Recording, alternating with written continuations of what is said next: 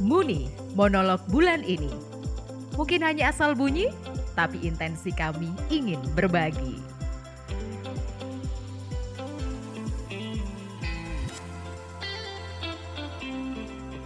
Pahlawan nasional Katolik yang ku kenal. Ini mungkin kalau saya cerita soal pahlawan nasional yang saya kenal, ini mungkin banyak orang yang nggak kenal. Namanya itu adalah uh, Cilik Riwut. Nah, mungkin ada yang ada yang nggak tahu.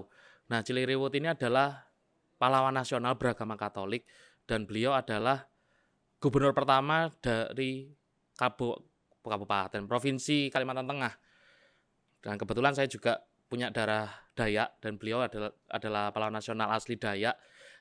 Uh, saya mengagumi beliau ini adalah beliau merupakan gubernur pertama, gubernur pertama Kalimantan Tengah dan juga beliau ini adalah orang yang memimpin pasukan penerjun payung pertama ketika tahun 47 ketika ada serangan agresi militer Belanda.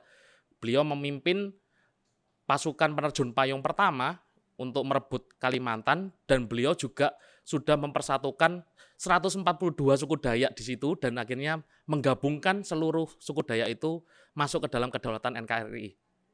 Jadi seluruh Kalimantan dipersatukan sama Bapak Anak Letus Cilik Riwut ini.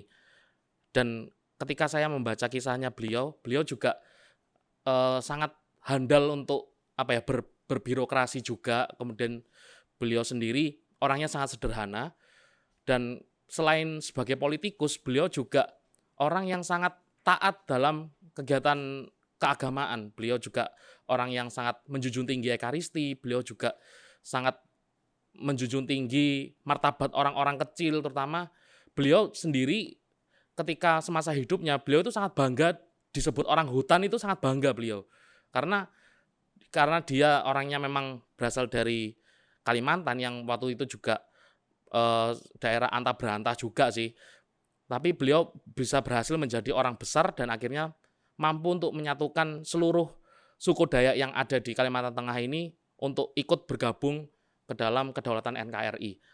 Nah, kemudian eh, jejak beliau juga akhirnya tetap memberikan semangat tersendiri untuk mau terus mempertahankan semangat persatuan, kemudian juga tidak jemu-jemunya untuk tetap ikut serta membangun kehidupan rohani juga. Beliau sangat sangat cinta dengan ekaristi.